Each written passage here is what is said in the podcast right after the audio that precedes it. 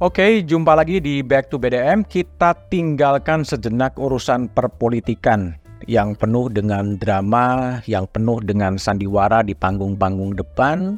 Saya mau ajak Anda sekalian untuk berbicara soal udara yang bersih, udara yang segar, udara yang menyehatkan.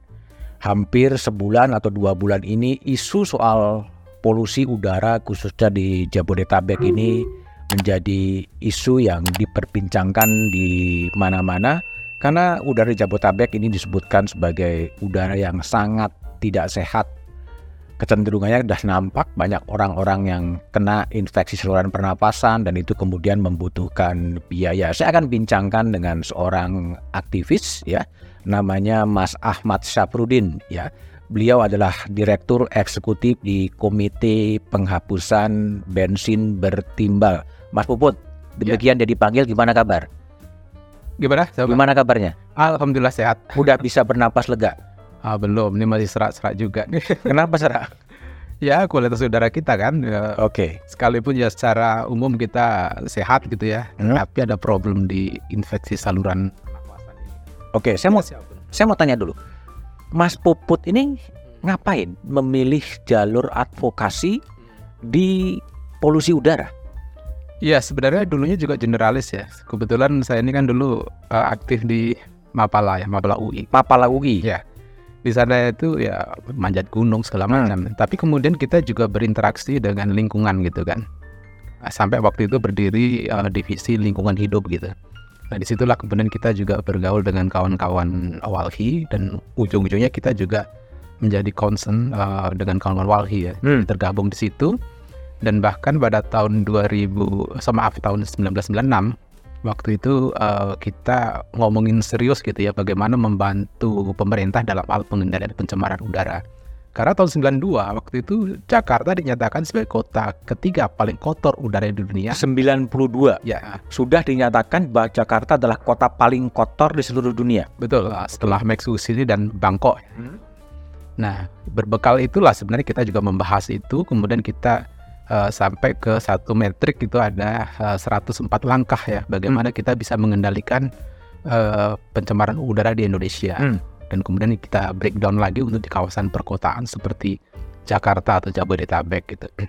Nah dari situlah kalau awalnya saya aktif di Walhi dulu sebagai generalis ya, se aktivis lingkungan gitu aja, tapi kemudian mulai saat itu kita fokus ke soal uh, pencemaran udara gitu pencemaran udara atau polusi udara ini bagian udara yang bersih juga bagian dari hak asasi manusia. Betul, kalau di, sudah diatur di konstitusi kita ya, uh, pasal 28 huruf A hmm? itu menyatakan bahwa setiap uh, orang berhak atas lingkungan hidup yang baik dan sehat. Oke. Okay. Nah, kemudian diturunkan di, di dalam Undang-Undang 32 tahun 2009 ya, perlindungan dan pengelolaan lingkungan hidup. Hmm. Nah, kemudian di Undang-Undang nomor 22 tahun 2009 tentang lalu lintas angkutan jalan raya di pasal 209 itu juga disebutkan serupa bahwa konteks uh, transportasi segala macam itu harus mendukung untuk pembangunan uh, yang melestarikan lingkungan hidup tadi gitu. Kalau lah kemudian udara yang bersih dan lingkungan yang bersih adalah bagian dari hak asasi manusia hmm. dan itu tercantum dalam konstitusi. Ketika kemudian udara itu sangat terpolusi dengan hmm. berbagai polutan, siapa yang harus bertanggung jawab? Ya jelas negara di sini harus bertanggung jawab ya dalam konteks ini pemerintah itu hmm. bertanggung jawab karena apa pun juga ya, uh, misalnya konteks pembangunan ya, konteks industrialisasi, pemerintah kan punya tangan ya, punya kekuasaan untuk memberikan izin, memberikan satu pembinaan, bimbingan teknis dan sebagainya, sehingga uh, baku mutu dari proses industri pembangunan, baku mutu emisi kendaraan bermotor dan sebagainya itu tetap uh, memenuhi kaidah-kaidah yang bisa uh, menciptakan udara dalam kategori sehat tadi gitu. Pemerintah punya kewenangan itu. Dan tapi, tapi tanggung jawab pemerintah apa ketika hampir sebulan lebih atau dua bulan lebih uh, warga Jakarta uh, mungkin sesak napas, hmm. mungkin sus susah bernapas karena udara yang menurut berbagai hmm. uh, alat menunjukkan dalam situasi yang sangat-sangat tidak sehat. Ya itu jelas kewajiban pemerintah ya bagai uh, misalnya ya kalau dari kalkulasi yang kami lakukan kan tahun 2010 masyarakat Jakarta karena sakit atau penyakit pencemaran udara itu kan mencapai 38,5 triliun uang medical cost uang yang sudah dihabiskan. Uh, Nah, Nah, tahun berapa itu? 2010. oh. 2010 uang negara yang udah dihabiskan untuk Uang eh, masyarakat. masyarakat Hmm. 38 triliun. Ah. Nah, kemudian 2016 kita update itu naik 51,2 triliun rupiah medical cost karena pencemaran. Medical cost karena pencemaran udara. Betul. Terus? Nah, artinya sebenarnya di situ kan pemerintah bertanggung jawab untuk itu. Hmm. Nah, kemudian eh, bentuk tanggung jawab pemerintah sebenarnya ada dua ya. Misalnya paling tidak bagaimana menjalankan regulasi di bidang lingkungan hidup khususnya di pengendalian pencemaran udara ini secara strict gitu. Hmm. Karena di undang-undang disebutkan kok ada ada konsep strict liability gitu ya. Pertanggungjawaban ketat. Ya tadi bahwa agar industri ataupun proses pembangunan, kendaraan bermotor dan sebagainya itu strict terhadap baku mutu emisi gitu. Nah, tapi problemnya kan di situ lemah. Soal industri misalnya, kita lihat KLHK itu relatif inferior kan menghadapi eh, lobby-lobby industri lewat Kementerian Perindustrian misalnya. Ke- Inferior tuh takut lagi gitu. takut. Oke. Hmm. Kenapa takut? Ya tadi selalu khawatir dituduh sebagai penghambat eh, economic growth kayak. Hmm. Dalilnya selalu itu. Termasuk ketika eh, yang terakhir ini ya, yang waktu kita sudah mengalami krisis pencemaran udara dalam dua bulan ini, KLHK menutup beberapa pabrik kan Hmm. yang bak- baku mutu emisinya tidak terpenuhi gitu. Hmm. Tapi kemudian diveto oleh Kemenperin gitu. Diveto oleh Kemenperin. Iya. Nah, waktu itu kita memberikan dukungan lewat medsos dan sebagainya. Nggak boleh mundur KLHK ini. Konteksnya kan ini perlindungan eh, masyarakat ya, perlindungan eh, kesehatan masyarakat, nah seperti itu. Nah, kondisi seperti itulah yang sebenarnya eh, akhirnya ya memposisikan kita dalam situasi krisis pencemaran udara seperti ini. Nah, kalau konteks eh, kalau katakan aja ada, ada yang menggugat ya misalnya kelas action untuk ganti rugi ya pemerintah sebenarnya harus mengganti rugi atas derita yang eh, masyarakat karena sakit atau penyakit terkait pencemaran udara tadi gitu. Memang sih eh, kawan-kawan eh, lingku- apa ya eh, organisasi lingkungan hidup ya termasuk kami tahun 2018 2019 sudah mendorong sehingga waktu itu ada 32 eh, warga eh, Jakarta dan sekitarnya menggugat pemerintah ya Hmm. dan menang di eh, PN Jakarta Pusat menang, kemudian di Pengadilan Tinggi DKI Jakarta juga menang. Namun sampai saat ini eh, Presiden dan tiga menteri itu eh, banding ya kasasi. Kasasi. Sekarang kita menunggu hasil eh, kasasi dari eh, Mahkamah Agung gitu. Oke. Nah, yang digugat waktu itu hanya eh, bagaimana pemerintah itu menjalankan regulasi ya, Hmm. sama kebijakan yang sudah dibuat gitu. Oke. Nah, namanya juga ya gu- gugatan warga negara ya, si, si, si, Citizen lawsuit. Ya betul. ha.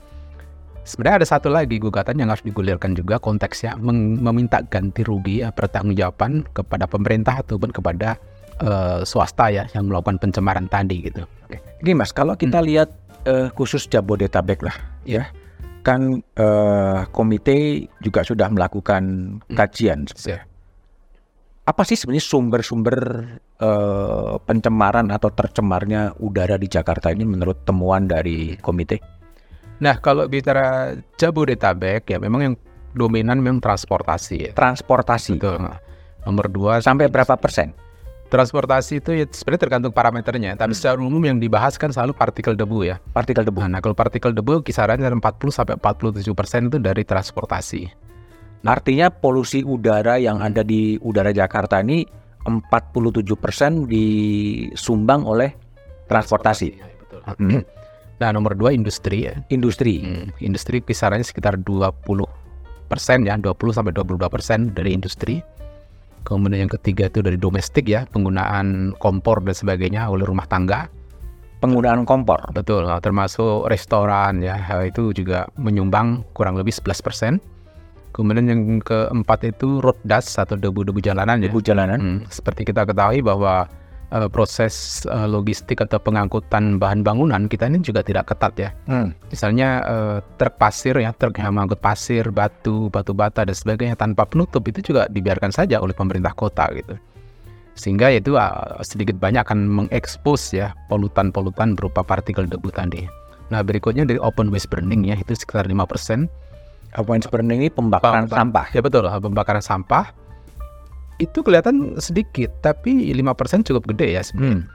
Misalnya tetangga kita bakar atau kita sendiri tanpa sadar membakar sampah juga gitu. Kemudian ada pemulung hanya ingin mengambil tembaga dari eh, seutas kabel gitu kan mereka bakar. Nah, kondisi itu sering kita lihat. Bahkan ya di TPS-TPS masih terjadi ketika ada sampah-sampah berlebih mereka bakar. Belum lagi di TPA gitu. kan.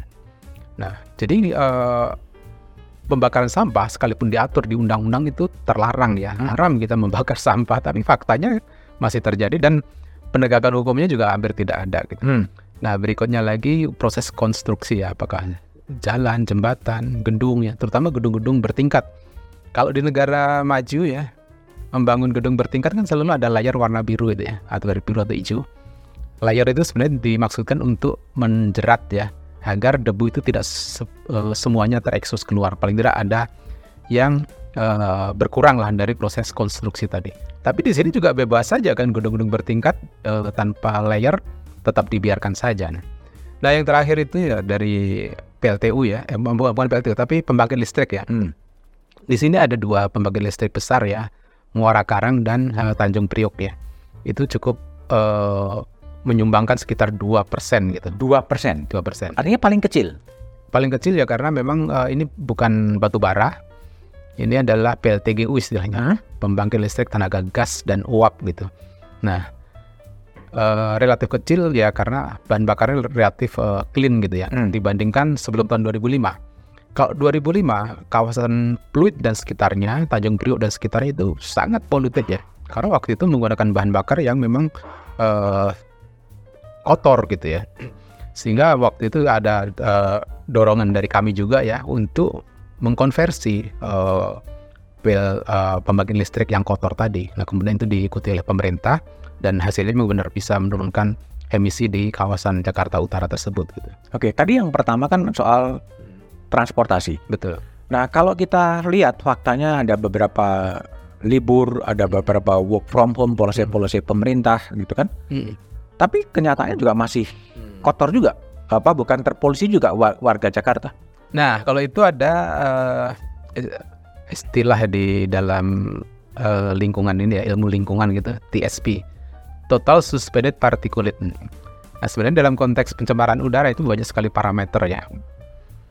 Misalnya partikel debu tadi yang sudah kita bahas. Partikel debu itu ada yang PM10, ada PM2,5. Ini tergantung ukurannya, Mas Budiman ya.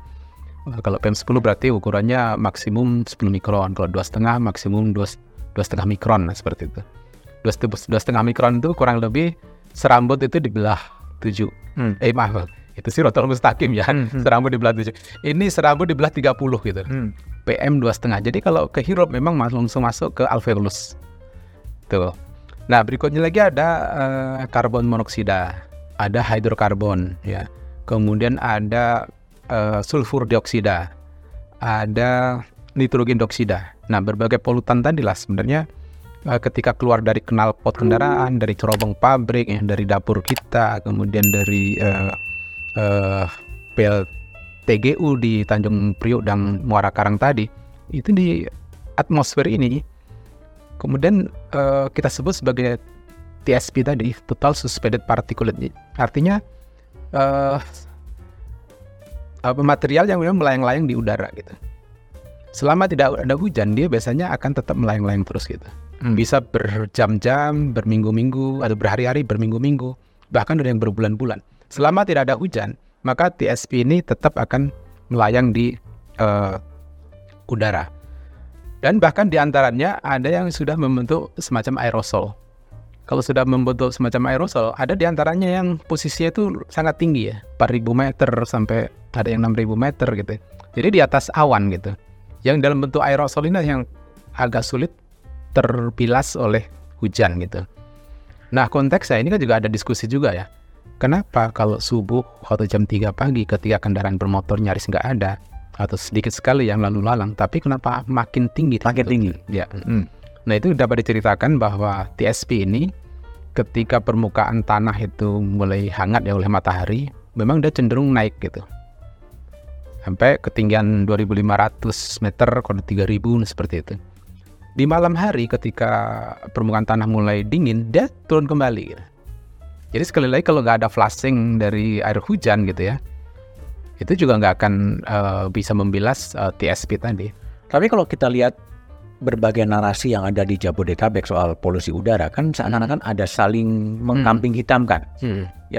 Seorang mengatakan ini penyebabnya adalah Hmm. transportasi. Oke. Orang menteri lain mengatakan ini penyebabnya adalah eh, pembangkit listrik. Iya. Nah, apa yang Anda baca dari dari sesama menteri pun bisa saling Iya. saling mengkambing hitamkan sebetulnya.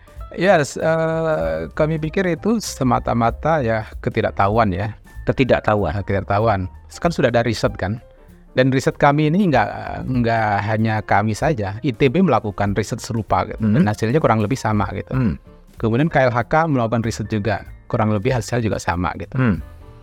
Nah, kalau menyatakan bahwa pencemaran udara Jakarta ini karena power plant gitu atau pembangkit listrik eh, batu bara, itu karena tidak membaca the realnya tadi gitu. Hmm. Kalau kami sih, PLTU batubara itu lebih menjadi problem untuk masyarakat Serang, Cilegon, dan sekitarnya. Itu betul ya. Kemudian masyarakat Tangerang Utara ya, yang dekat Lontar ya, PLTU Lontar, betul itu. Pelabuhan, kemudian Pelabuhan Ratu, betul, sana bermasalah untuk masyarakat sekitar. Cirebon, Indramayu, atau Bekasi Utara itu betul, itu akan bermasalah ke masyarakat. batubara. Betul. Hmm. Kemudian industri, industri mungkin yang sebagian juga pakai batu bara ya. Cikarang, Bekasi, Purwakarta sampai ke Citerap, Cibinong itu pasti akan menjadi problem di sekitar itu. Tapi memang betul bahwa eh, ada istilah transboundary air pollutan gitu ya. Hmm. Nah, eh, polutan pencemaran udara lintas batas itu yang dari luar tadi bisa saja masuk. Gitu. Hmm. Tapi eh, nggak besar itu. Tapi kemungkinan yang dari Cikarang dan sekitarnya dalam kondisi kemarau memang besar mungkin. Karena kenapa? Karena ini arah angin tuh angin monsoon timur sekarang ini kan. Air ber- angin bertiup dari benua Australia menuju ke Pulau Jawa, kemudian ke arah barat ya. Jadi eh, polutan yang dari eh, Cikarang, Bekasi, Purwakarta dan sekitarnya sudah pasti masuk ke Jabodetabek gitu. Tapi kalau yang PLTU Suralaya, kondisi kemarau itu anginnya pasti ke barat atau barat laut. Jadi polutan dari PLTU Suralaya itu udah pasti jatuhnya ke Selat Sunda atau ke eh, Laut Jawa gitu. Dan kalau kita cek ya eh, kajiannya KREA yang menyatakan bahwa eh, polutan yang utama untuk Jabodetabek itu adalah dari PLTU gitu ya. Hmm. Kalau kita cek di kajian itu, di kajian itu eh, hanya mengkaji Suralaya ya. Kemudian kalau kita cek lagi, mereka mengukur, eh, menganalisis ya SO2, PM 2.5, PM 2,5, sama nitrogen dioksida gitu. Tiga parameter itu mereka analisis. Dari dispersion model yang mereka kembangkan, itu hanya bulan Desember dan Januari saja Hmm. eh, polutan dari PLT Suralaya itu yang menyentuh Jakarta gitu.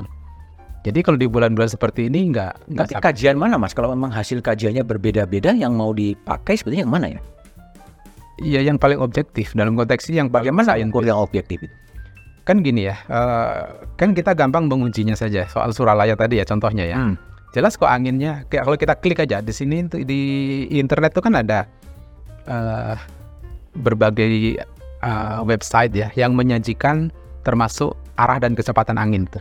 Jadi ada petanya seperti itu. Hmm. Kalau Mas Budiman klik itu misalnya Nul School itu ada ada uh, web website yang uh, melayani kita tentang arah dan kecepatan angin dan di situ juga ada uh, modeling ya terkait dengan beberapa parameter pencemaran udara gitu. Hmm. Kalau kita klik hampir uh, hampir tiga bulan ini arah angin memang ke arah barat gitu loh, Hmm. arah barat atau ke arah barat laut gitu. Jadi kalau menyatakan saat ini polutan uh, pencemaran udara di Jakarta itu bersumber dari Suralaya itu tidak betul. Tetapi kalau dikatakan mungkin dari Babelan ya Bekasi atau dari Indramayu itu ada benarnya karena anginnya ke arah barat kan. Hmm. Sekalipun kalau kita teliti lebih jauh yang dari Cirebon ataupun dari Indramayu, arah baratnya itu cenderung barat laut gitu. Jadi Hmm. jatuhnya kebanyakan ke Kalau orang awam melihatnya gini Mas Puput, ini kan eh, apa namanya? Setelah ada satu shutdown, hmm, eh, pembangkit listrik di shutdown, hmm, kemudian eh, udara menjadi lebih baik. Langit menjadi lebih biru. Oke. Orang awam yang Hmm. tidak memahami eh, hasil kajian Oke. eh, langsung bisa menyimpulkan, oh ini memang karena pembangkit listrik. Gimana Ya, Anda ya. merespon itu? Iya, ya, kita juga harus berusaha ya biar biar tidak tidak terjadi misleading tadi ya. Eh, penyesatan dalam konteks ini kita juga rugi besar jadinya kalau harus shutdown eh, power plant yang tidak seharusnya. Sekalipun kita juga sepakat ya bahwa power plant batu bara itu harus secepatnya dipensiunkan gitu. Hmm. Karena apa pun juga itu eh, merugikan kita semua gitu. Tapi dalam konteks eh, men- menyajikan informasi kan kita harus seobjektif mungkin gitu. Ya. Nah, eh, ya tadi kalau itu penjelasannya cukup ini ya, eh, ya artinya kenapa eh, dua tiga hari terakhir ini ya, katakan Senin, Selasa, Senin Selasa terutama ya, eh, kita bisa menya- menyaksikan langit biru gitu ya. Hmm. Nah, kita bisa dicek cek lah tadi kan di eh, arah dan kecepatan angin tadi. Memang anginnya kencang Hmm. dan pernyataan BMKG yang kemarin itu juga menyatakan demikian. Hmm. Yang intinya ada peningkatan kecepatan angin ya, yang biasanya itu hanya sekitar mati angin kondisi 0 sampai 3 knot gitu ya. Nah, eh, kurang lebih lima hari ini kan udah naik di, di atas 23 knot gitu. Hmm. Jadi kalau kita lihat eh, peta arah angin itu pusarannya mengarah ke arah Rangkas Bitung. Di sana ada semacam pusaran angin gitu ya, yang dari arah eh, timur laut sama timur, kemudian membentuk semacam pusaran di eh, Rangkas Bitung. Jadi kita lihat polutannya kalau selama ini di Jabodetabek kan, yang menjadi pusaran itu sudah bergeser ke arah eh, Banten eh, tengah gitu loh seperti Ya. itu. Mas, ini gini. Ini awam ya kembali ya. Awam ini kan melihat ya. Langit sebagian langit Jakarta kembali menjadi biru. Hmm, Ya. Lalu kemudian ada fakta satu pembangkit listrik di shutdown. Ya. Kemudian ada lembaga yang mengklaim ya ini karena kerjaan saya. Hmm, Ya. ya. Yang ini mengatakan bukan itu karena angin. Nah, Ya. Kira-kira gitu. Ya. Ini apa yang sedang terjadi pada pada pada eh, masyarakat atau lembaga yang sekarang ada gitu. Ketika ada keberhasilan Hmm. relatif membaik, semua saling mengklaim Iya, iya. ya. Tetapi ketika ada polusi udara yang nggak pergi-pergi, semua saling menyalahkan. Semua tiarap ya. Semuanya tiarap. Ya. Gimana Anda lihat? Ya inilah artinya kan dalam konteks good governance memang buruk lah kita kita harus kita Hmm. akui ya Eh, tata kelola pemerintahan kita ini memang buruk gitu. Jadi seperti yang kami sampaikan kan eh, 9697 kami sudah menyampaikan kepada pemerintah strategi pengendalian pencemaran udara. Tapi sayangnya dari 104 agenda yang kami sodorkan sekitar 25 tahun yang lalu itu nyaris tidak dilaksanakan. Yang dilaksanakan misalnya penghapusan bensin bertimbal. Itu pun karena kita kawal terus. Hmm. Itu pun juga berimplikasi ujung-ujungnya ada korupsi di situ ya. Ada yang masuk korupsi. penjara betul. Nah, kemudian contoh lain ya, misalnya soal eh, eh, mendorong orang menggunakan public transport. DKI Jakarta kita dorong mengembangkan bus lane yang kemudian di- diadopsi menjadi busway itu Transjakarta. Tapi ujung-ujungnya juga ada korupsi di situ dan tidak mak- maksimal juga ya konteksnya. Jadi banyak hal kalau dilaksanakan tapi ada korupsi. Kalau nggak ada potensial ekonomi kemudian dibiarkan saja, misalnya seperti itu. Jadi eh, soal tata pemerintahan tadi sebenarnya yang buruk ya. Sehingga hampir eh, 25 tahun ini seperti eh, mengendap ya. Tiba-tiba kemudian kita menghadapi situasi krisis seperti ini gitu. Semua bingung, panik kan akhirnya. Hmm. Panik itulah akhirnya eh, ada informasi mengatakan bahwa sumber pencemarnya dari PLTU batubara diterima, dari transportasi diterima, mungkin dari pembakaran sampah diterima juga gitu. Diterima oleh kebetulan oleh orang yang berbeda ya, Hmm. pejabat yang berbeda. Ya, nah, seperti- tergantung kebut tergantung mau di di corner ke siapa. Betul. Hmm. Nah di situlah akhirnya kepanikan ya akhirnya kalau kita lihat ya antar menteri saja juga berantem di situ soal sumber pencemar tadi. Ya. Kalau sudah seperti itu ya kita makin panik kan. Akhirnya eh, apa keputusan diambil juga ngawur gitu loh. Ngawur contohnya yang tadi eh, untuk eh, men apa menurunkan ya pencemaran dari partikel debu dengan water mist ya dengan Water mist itu adalah menyemprotkan air ke udara gitu ya. air ke udara. Hmm, dengan harapan menggantikan fungsi hujan ya. Ah. Hujan itu kan kalau tadi kita cerita ada TSP Hmm. bisa terbilas TSP bisa terbilas oleh air hujan gitu. Hmm. Nah, dengan semprotan air itu diharapkan juga bisa Turun. uh, membilas uh, Tapi kan jalan juga. Kalau jalan itu kan memang sebenarnya kalau kita belajar dari negara maju ya. Negara maju kota-kotanya itu hampir tiap sore memang disapu, Hmm. kemudian disemprot ya. Hmm. dengan harapan debu yang uh, mengendap di jalan itu ke terflashing mengendap ke drainase gitu. Hmm. Jadi tidak ngebul. Kan. Atau kita belajar di saya kan di, di Ngawi ya, uh, salah uh, besar di Ngawi. Ngawi itu juga kalau musim kemarau debunya juga luar biasa. Di sana ada kearifan lokal, setiap rumah hampir setiap sore itu nyiram halaman. Nyiram halaman. Uh, itu biar nggak ngebul aja sih. Hmm, hmm. Hanya sementara memang hanya mengurangi hmm. agar tidak ngebul, tidak terekspos gitu ya. Hmm. Sebenarnya di situ. Nah kalau yang disemprot udara ya itu ya ibarat menggarami laut gitu loh. Hmm. Jadi perbuatan yang sia-sia. Juga konteks uh, hujan buatan itu itu juga akan sia-sia. Kami di dalam uh, uh, rekomendasi ya 11 Agustus yang lalu kami sampaikan kepada pemerintah yang itu nggak nggak perlu dilakukan tapi kalau nyemprot jalan bolehlah yang hmm. mem mem membilas jalannya ya dari endapan debu itu boleh itu. Tapi kalau uh, water mist yang disemprotkan ke udara, apalagi dengan pesawat, itu kan pekerjaan yang sia-sia terserah. Hmm. Jadi kami sarankan lebih baik kita terbuka saja kepada masyarakat ya.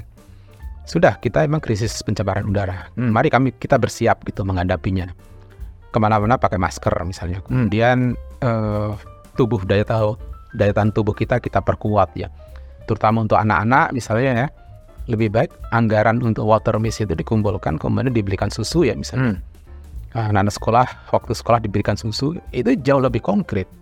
Karena gini Mas Budiman ya kalau untuk pengendalian pencemaran udara ini nggak bisa instan. Kita anggaplah yang uh, kelalaian kita 25 tahun ini ya sudahlah kita anggap sebagai kelalaian kita bersama gitu. Selebihnya kita formaliskan ulang gitu. Kita mulai dan kalau kita mulai, ini kan baru kita bisa kita, kita nikmati paling cepat enam bulan ke depan gitu. Kalau berharap dalam waktu satu hari dua hari nggak nggak akan mungkin. Jadi kalau kemarin ada klaim kualitas udara yang meningkat karena kami menyemprot air, hmm. karena kami men-shutdown PLTU, itu juga bohong, nggak nggak hmm. nggak nggak benar gitu gitu. Jadi uh, konteks ini kalau mau good governance-nya jalan tadi ya tata pemerintahnya oke okay, gitu dengarkanlah para ahli kan ada perguruan tinggi perguruan tinggi yang punya ahli pengendalian pencemaran udara kan. Mereka punya kajian. Dengarkan beliau-beliau itu. Udah pasti benar di situ. Ini sikap anti sains yang sedang terjadi? Iya seperti itu. Di satu di sisi lain kan memang ada satu kepentingan ya untuk uh, konteks bisnis di sini. Hmm.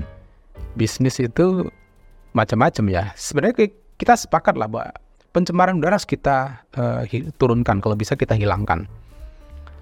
Tapi tetap ada kan yang mendompleng ya. Mis contoh sederhana sekarang ini kan marak kan perdagangan air purifier misalnya kan. Oh.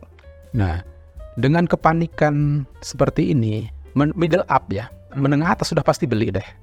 Ini ada ada apa? Ada ada kepentingan bisnis. Di ada fakta hmm. bahwa polusi udara meningkat ya. tetapi kemudian ada uh, kepentingan bisnis untuk meningkatkan penjualan. Ya kita lihat seperti itu. Coba Mas Budiman klik deh. Misalnya Mas Budiman cari data tentang kualitas udara Jakarta. Habis ngeklik di internet ya, Mas Budiman akan disamperin promosi tentang alat untuk mengendalikan kualitas udara, pencemaran udara hmm. seperti itu. Nah itu belum lagi bisnis-bisnis lain ya yang uh, terkait dengan pengendalian pencemaran udara itu juga ada di situ. Tapi nggak apa-apa lah, artinya memang kita ini saat ini kan kita sudah terbuka ya bahwa kita punya problem dengan krisis pencemaran udara. Kita sudah kronis menghadapi situasi. Mungkin selama ini kan kita eh, nggak menganggap bahwa itu penting kan. Selama ini kita lebih uh, menganggap bahwa uh, upaya pengendalian pencemaran udara, upaya-upaya perbaikan lingkungan itu dianggap sebagai penghambat uh, pertumbuhan ekonomi. Tapi ada itunya nggak mas? Ada datanya nggak mas bahwa selama polusi udara ini menjadi menjadi apa ya menjadi concern kemudian ada peningkatan pembelian atau uh, air purifier kalau total pembeliannya kita belum cek ya hmm. belum melakukan riset ya tapi setidaknya dengan proses tadi kalau kita lihat kan uh, tinggi sekali okay. uh, uh, traffic promosi dan sebagainya dan seperti itu. Tapi itu kan bukan sesuatu yang wajar juga Mas. Ketika pandemi hmm. COVID-19 kemudian orang juga mengejar masker, orang mengejar uh, hand sanitizer. Hmm. Itu sesuatu yang ya kalkulasi bisnis yang wajar atau Anda lihat ada sesuatu yang kurang pas di situ? Ya kurang pas. Paling tidak tidak etis gitu. Tidak etis. Tidak etis gitu. Mungkin boleh aja ya kita uh, ya biasalah musim hujan kita akan jualan payung. Ah. Wajar saja. Ah Tapi jangan sampai juga terus kita menimbulkan sesuatu yang bikin orang panik juga gitu. Di mana paniknya? Ya paniknya kan tadi ya untuk menengah bawah paniknya kan direspon dengan diem kan, nggak bisa apa-apa. Tapi bagi middle up pasti dia akan beli ini, beli itu dan sebagainya itu. Ya, tapi kalau beli ini beli itu tuh bukan karena memang perilaku dari algoritmanya Google ketika mencari informasi soal uh, pencemaran udara, kemudian ya ini ada orang butuh ini ya kita algoritma itu yang kemudian mendorong uh, promosi-promosi soal perusahaan air, pu- air purifier. Iya, bisa jadi seperti itu ya. Tapi paling tidak eh, gini mas, eh, ada juga semacam apa ya? Kalau kita lihat ini eh, proses yang tidak alamiah gitu loh. Oh, Misalnya, dan ini tidak sekarang aja. Kami sendiri sudah menghadapi sekitar 15-20 tahun yang lalu gitu. Hah? Jadi ada si produsen ini memang datang ke kami gitu, datang ke ke KPBB gitu. KPPB, Nah, karena dilihat KPBB yang concern di soal eh, pencemaran udara gitu. oke? Ya mereka men- menawarkan itu. Ini ada alat baru.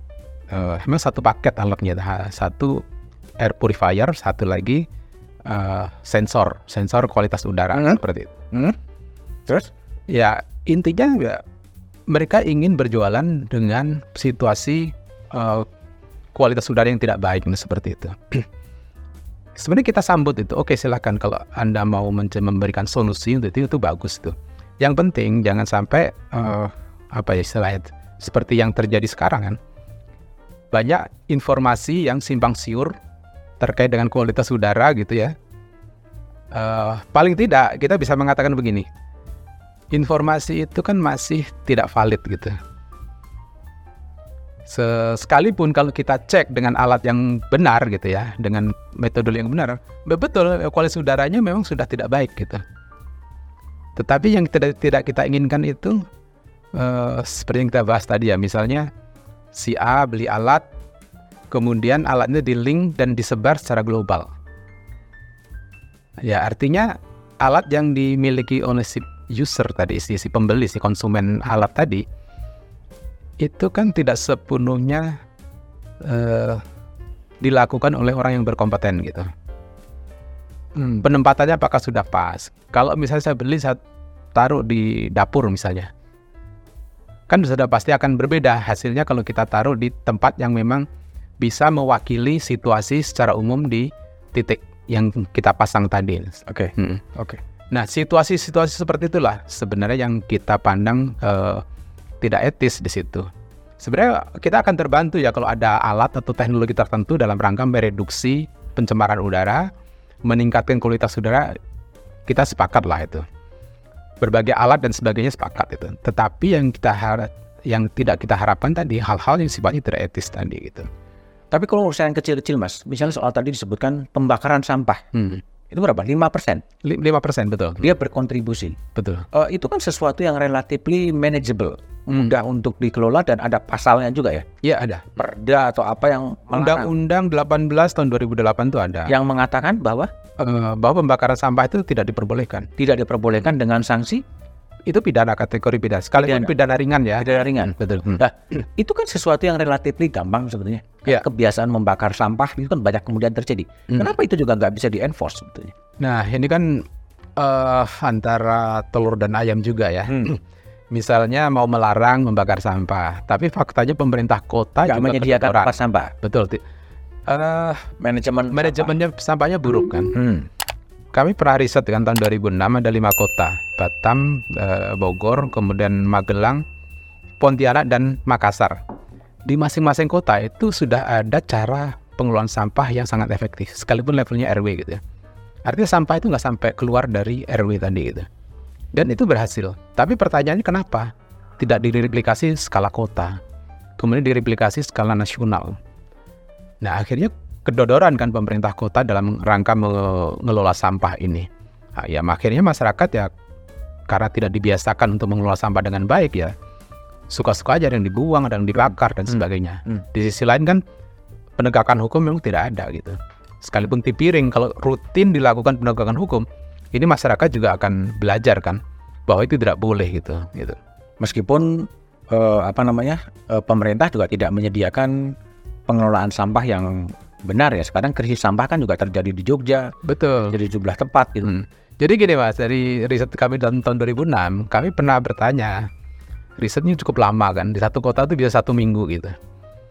Di hari-hari terakhir waktu kami riset, karena sudah seperti kawan, akhirnya ada pengakuan dari pihak dinas kebersihannya waktu itu. Hmm. Yang pertanyaan begini, mas kalau eh, di RW yang sudah berhasil mengelola sampah itu diterapkan di seluruh kota, truk-truk kami ini akan nganggur, nah seperti Hmm. itu. Jadi kesannya memang dibuat, gitu. Dibuat. dibuat, nah, biar ada bisnis transporter misalnya. Hmm. Padahal kalau di replikasi ya, paling tidak kalau bisa menekan 50% saja itu su- sudah sangat bagus ya. Oke. Nah seperti itu. Mas Puput, jadi kembali kalau ke soal kita ngomong soal polusi udara gitu. Hmm. Ini bisa dianggap sebagai sebuah bencana atau dianggap sebagai sesuatu ya ya sudah ya, gini aja gitu. Ya, tanggal 16 Agustus kami dengan kawan-kawan Walhi, Aisel, Greenpeace dan sebagainya kan eh, hearing ya di DPRD. Hmm. Kita udah sampaikan di situ bahwa ini bencana, Ini bencana. bencana. Oke, tapi responnya adalah Kita harapkan waktu DPRD menyampaikan ke gubernur ya, gubernur bisa menyampaikan ke presiden untuk menyatakan bahwa Jabodetabek menghadapi eh, darurat pencemaran udara hmm, atau dengan kata lain bencana pencemaran udara. Oke. gitu. kalau itu dikonstruksikan sebagai bencana Hmm. pencemaran udara, siapa sebetulnya yang paling paling harus eh, kalau banjir kan ya Badan Nasional Penanggulangan Bencana yang akan Hmm. menjadi lead, menjadi leader di situ. Ya. Tapi dalam konteks pencemaran udara kalau dikonstruksikan sebagai bencana siapa yang harus menghandle ini ya? Ya mau tidak mau ke BNPB, BNPB. Hmm, sekalipun mungkin itu menjadi barang baru ya bagi BNPB. Eh, tetapi tentu saja saya pikir yang paling bertanggung jawab di situ kalau level provinsi gubernur harus eh, Hmm. menghandle. Kalau konteksnya Jabodetabek memang agak ribet ini. Sebenarnya Jakarta ini juga banyak melakukan upaya gitu, tapi terganjal dengan Bodetabeknya ini gitu Hmm. eh ya contoh industri aja ya gitu. Be- di awal tahun 2000-an ya, Jakarta ini sudah menggeser ya industri-industri yang di Jakarta itu keluar Jakarta gitu. Tapi sayang begitu keluar dari eh, Jakarta, katakan pindah ke Cibinong atau ke Sentul atau ke tempat lain di eh, luar Jakarta, itu tidak diikuti juga dengan pola eh, pembinaan teknis ya, bimbingan teknis dan sebagainya untuk industri-industri tadi gitu. Dan bahkan kalau kita lihat ya industri-industri jauh lebih kuat dibanding pemerintah gitu loh. Ya kita ambil contoh yang pabrik semen ya di Cibinong dan sekitarnya di situ. Itu juga mengekspos juga pencemaran itu gitu. Tetapi Jakarta juga nggak punya apa ya nggak punya kewenangan dalam mengatur eh, pabrik semen tadi gitu. Kemudian juga pabrik-pabrik yang ada di eh, Cikarang dan sekitarnya ya yang cukup tinggi polutannya juga dan dalam kondisi kemarau ini mereka juga mengekspos paparan ke Jabodetabek termasuk Jakarta gitu. Itu juga nggak ada kewenangan dari eh, pemerintah eh, DKI Jakarta untuk menghentikan itu. Jadi memang eh, seharusnya memang ada chief of commander ya dalam kasus seperti ini Hmm. yang sifatnya mengelola kualitas udara di Jabodetabek gitu. Chief of Commander. Iya. Kita belajar dari Bangkok ya. Bangkok itu sudah 20 tahun yang lalu membentuk Bang Bangkok Air Quality Management gitu. Hmm. Di sana ada kepalanya gitu. Yang kekuatannya cukup eh, efektif. gitu. Sekarang presidennya menuju Bang Luhut sebagai Nah, sayangnya Pak Luhut tidak eh eh, membentuk lagi ya atau katakan eh, wakilnya ya Hmm. sebagai chief of commander tadi. Kita tahu Pak Luhut kan terlalu sibuk Hmm. urusan banyak hal ya. Harusnya ada situ. Atau Pak Luhut sementara ya dalam kurun waktu satu dua bulan ini ya fokus di situ sebagai chief of commander tadi. Hmm. Kalau nggak ada chief of commander, perang antar sektor nih. perang antar sektor. Ya, KLHK menghentikan, perindustrian memveto. Itu akan terjadi seperti itu. Itu yang menjelaskan krisis udara bersih itu berlangsung agak lama di Jakarta, Jabodetabek. Jabodetabek. Ya di Jabodetabek itu kita prediksi selama belum ada hujan lebat ya, Oke. itu masih akan jadi krisis terus gitu. Ini akan begini terus situasi. Betul. Karena di musim hujan pun ya, kalau kita berada di pinggir jalan atau kita ada di kawasan industri, itu polusinya tinggi. Unhealthy, tidak sehat seperti Tidak sehat. itu. Jadi sebaiknya gimana? Warga ini yang harus berjaga-jaga melindungi dirinya sendiri ketika di level pemerintahan banyak ikhtiar tapi belum sepenuhnya berhasil atau gimana sikapnya? Iya, sepakat harus seperti, itu. Kita harus melindungi diri kita sendiri karena ada negara yang mengabaikan ini. Hmm. Cocok lah eh, apa eh, judul artikel di Kompas berita Kompas kalau salah 15 Agustus. Hmm. Kompas sudah mengangkat itu. Hmm. Bahwa masyarakat harus eh, melindungi dirinya sendiri karena nggak ada yang diharapkan dalam kondisi seperti ini. Nggak ada yang diharapkan. Nggak ada yang diharapkan. Nggak ada diharapkan artinya menjadi semacam stateless gitu. Betul. Terus lihat ya, KLHK apakah sudah berusaha? Belum. Perindustrian sama sekali tidak. Padahal perindustrian punya kewenangan untuk eh, mengendalikan berbagai eh, pabrik ataupun. Atau ini dianggap bukan sebagai isu sebetulnya? Nah, kalau kita bicara hal kronis tadi ya, sejak UNEP menemukan eh, menyatakan bahwa Jakarta sebagai kota tercemar ketiga di dunia tahun 1992, betul nggak dianggap itu, Nggak bukan dianggap. isu. A- kalau Yun 92 in- eh, Jakarta sebagai kota tercemar, kalau sekarang berapa ya? Kita kalau Untuk untuk untuk apa? Untuk ase- asesor yang sama gitu. ya bervariasi tergantung hari ya. Oh.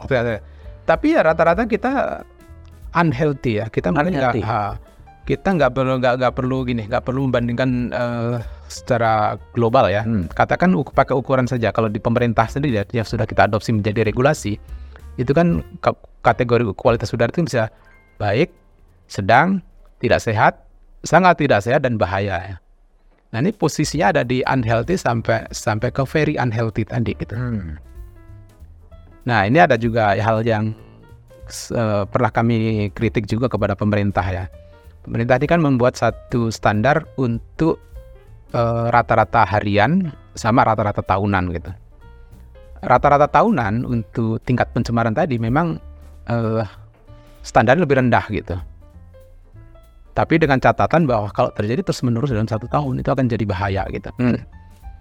Nah sayangnya eh, yang kita lihat itu eh, menggunakan standarnya itu tidak pas gitu loh. Hmm. Misalnya kalau standar harian untuk PM 2,5 itu adalah eh, 35 mikrogram per meter kubik gitu. Itu standar. Standar sehat itu harus di bawah 35 mikrogram per meter kubik untuk rata-rata hariannya. Nah untuk tahunan itu kan hanya 15 mikrogram per meter kubik gitu. Nah sayangnya dalam konteks ini selalu yang dipakai itu untuk mengukur eh, rata-rata harian itu pakai standar tahunan tadi gitu. Sehingga dalam konteks ini kita bisa menyatakan bahwa eh dalam pemerintah ya menyatakan bahwa kondisi kualitas udara dalam kategori baik karena pakai standar yang lebih rendah tadi seperti itu. Kalau hipotesanya adalah soal transportasi, Mas, apa yang bisa dikerjakan oleh pemerintah sekarang agar ada reduce ya, ada, ada Hmm. pengurangan eh, tingkat polusi?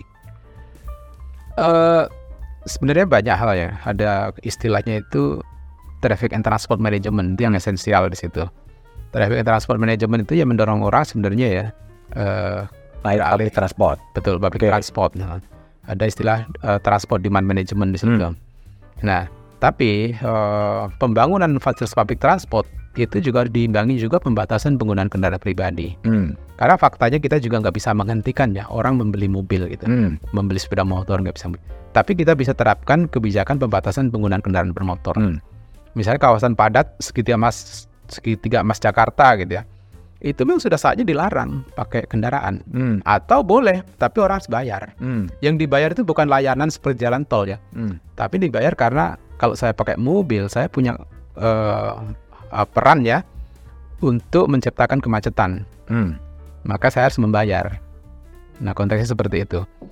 Nah, ada route pricing ya. Hmm. 2010 kami dari masyarakat sipil sudah mengajukan ke DKI Jakarta untuk menerapkan route pricing ya. Mengajukan itu tidak hanya usul, tetapi kita juga buat naskah akademis, kemudian kita buat draft perdanya gitu. Tapi sudah 13 tahun nggak berjalan juga. Berjalan nggak berjalan. Nggak berjalan kenapa? Dengar-dengar ya kabar burungnya ya terjadi pertempuran antara dua kubu yang masing-masing membawa teknologi dari dua vendors gitu. Hmm. Tiap mau dieksekusi dianggap tidak menguntungkan pihak vendor yang satu yaitu di veto Hmm. sehingga tender ini nggak jadi-jadi seperti itu sampai sekarang. Hmm. Kabar burungnya seperti itu. Jadi semuanya sebetulnya logika-logika pertarungan-pertarungan kepentingan bisnis ya. Ujungnya begitu. Jadi eh, dapat dikatakan upaya pengendalian pencemaran udara ini juga tersandra ya oleh Hmm. kepentingan bisnis seperti itu. Kepentingan bisnis industri yang bermain di sisi itu. Nah, ya belum lagi kendaraan bermotor ya. Hmm. Kendaraan bermotor kenapa? Misalnya standar Euro 4 tadi sudah kita ceritakan 2017 Menteri Lingkungan Hidup teken ya standar 2018 berlaku efektif tapi di di lobby lagi gitu loh. Minta ditunda enam bulan dengan alasan produk produk lamanya belum laku semua. Oke.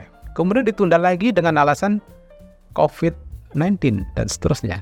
Hmm. Jadi tetap saja ini eh, pihak-pihak yang memainkan political business itu berperan sehingga ya akhirnya agenda pengendalian pencemaran udara kedodoran.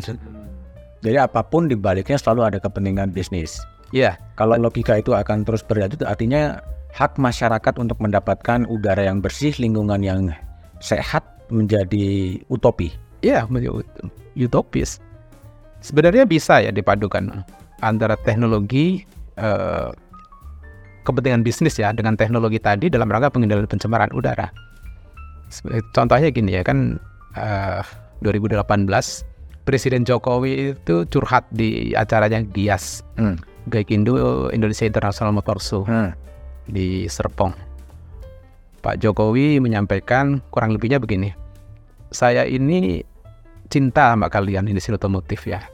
Kalian minta saya lobby Perdana Menteri Vietnam Hmm. agar menerima kembali produk otomotif Indonesia ya yang di ban sejak 2017 Hmm. saya lakukan waktu KTT Hmm. 2018 di Singapura Presiden Jokowi menyampaikan ke Perdana Menteri Vietnam tapi dijawab Pak, Pak Presiden cerita itu tapi yang mulia Perdana Menteri Vietnam menjawab yang mulia Presiden pasar kami terbuka Hmm. sepanjang produk otomotif Indonesia memenuhi standar kami Oh. jadi dalam konteks ini sebenarnya kita bisa maju selangkah gitu Hmm. dengan low emission vehicle, low emission technology untuk pabrik, untuk power plant dan sebagainya. Itu dalam rangka untuk memenangkan pertarungan ekonomi kan sebenarnya. Electric vehicle menjadi solusi? Itu jelas menjadi solusi. Cuma nggak bisa tiba-tiba, lagi-lagi ya, nggak bisa dipaksakan.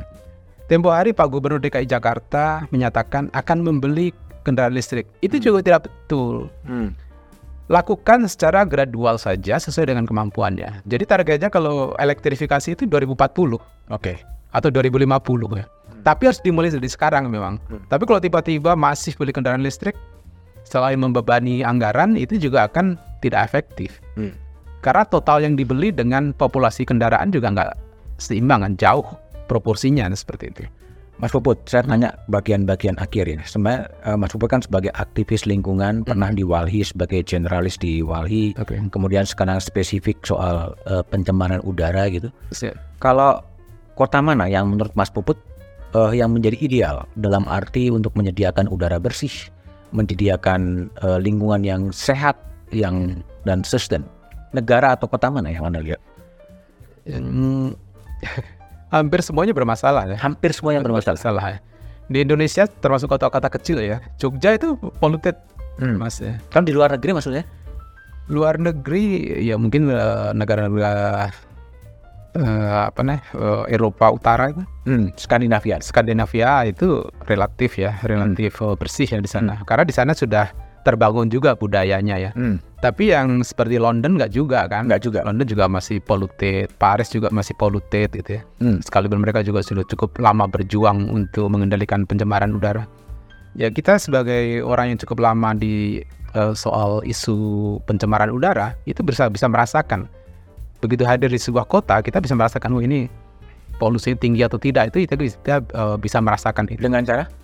Ya sebenarnya dengan eh, feeling saja ya, Oh. sekalipun kita tidak mengukur ya. Hmm. Karena kan kita sering mengukur, kemudian kita merasakan. Jadi lama-lama kita eh, setidaknya bisa merasakan gitu. Hmm. Jadi sekali lagi eh, kota-kota besar di Eropa itu juga bu- bukan menjadi contoh ya, yang contoh seperti London, Paris eh, Hmm. itu bukan contoh yang baik ya untuk eh, pengendalian pencemaran udara gitu. Tapi kalau yang eh, Skandinavia oke itu itu karena di sana juga banyak orang ke mana-mana lebih banyak berjalan kaki, public transport, Hmm. bersepeda, nah itu baru. Oh, Last question. Sebagai aktivis lingkungan Hmm.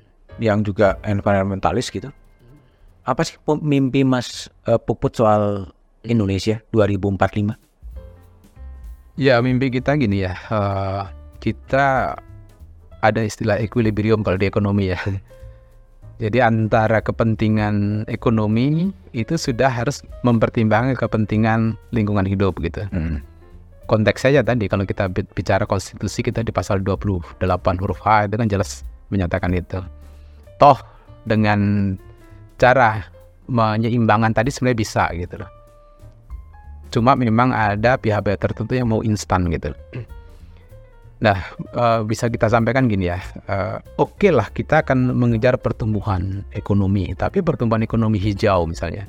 Ya contohnya tadi, kalau kita mau produksi uh, satu barang misalnya, agar barang itu bisa mendongkrak pertumbuhan ekonomi kita, barang itu kan harus compete kan, uh, mampu bersaing kan. Tapi konteks bersaingnya itu sebagai produk yang lower emission gitu rendah emisi ya. Karena yang dipertarungkan di forum-forum internasional ngomongin soal perubahan iklim, lingkungan, itu kan muaranya tetap dua kan. Memang dikedepankan isu lingkungan, isu climate, isu iklim gitu ya. Tapi mereka hadir di konvensi itu kan membawa, dagangan kan. Hmm. Nah, mimpi kami ya, mimpi saya 2045 kita sudah bisa memanfaatkan isu lingkungan dalam konteks untuk merebut uh, ekonomi gitu loh. Hmm. Meskipun isu-isu lingkungan adalah isu-isu pinggiran. Saat ini pinggiran ya. Jadi konteks ini kan kita perlu ya uh, semacam tanda kutip mengeduket ya para policy maker itu bagaimana kita bisa bersaing ya secara global dengan menciptakan produk-produk yang rendah emisi atau syukur-syukur zero emisi tadi gitu. Tahu bisa kan? Katakan kita misalnya uh, ya produk tertentu ya kan hampir secara global kan kita sudah terikat kan dengan standarisasi tertentu gitu yang intinya banyak negara-negara maju ya misalnya yang uh, menggunakan isu lingkungan sebagai trade barrier hmm.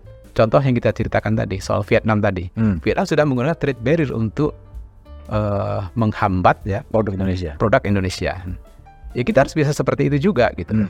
dan ahli-ahli kita kan banyak kan hmm ahli teknologi maupun ahli lingkungan kita banyak. Ekonom kita yang bisa mengembangkan ekonomi hijau cukup banyak. Nah sekarang tinggal bagaimana ada leadership nasional itu yang bisa mempersiapkan bahwa tahun 2045 itu bisa uh, menyatukan tadi antara kepentingan lingkungan dan kepentingan ekonomi. Adakah partai-partai politik yang punya mimpi yang sama dengan mimpinya Mas Puput soal green ekonomi, soal hmm. ekokrasi, artinya kedaulatan lingkungan? Ya ada, itu partai hijau. Nggak ada. Enggak, hampir nggak ada. Tapi ada partai hijau kan. Tapi sayangnya partai hijau ini kan seperti apa ya? Belum berkembang gitu hmm. di kita. Kalau partai-partai besar ya, partai-partai mainstream belum. Beberapa kali kami hadir diskusi dan sebagainya ya seperti angin lalu saja gitu. Angin lalu. Ya. It's not apa uh, belum menjadi sebuah isu mainstream yang patut diperjuangkan. Betul paling banter hanya jadi satu gimmick gitu ya di dalam kampanye ya. Hmm. Apakah kampanye calon legislatif atau kampanye calon presiden, calon gubernur dan sebagainya gitu.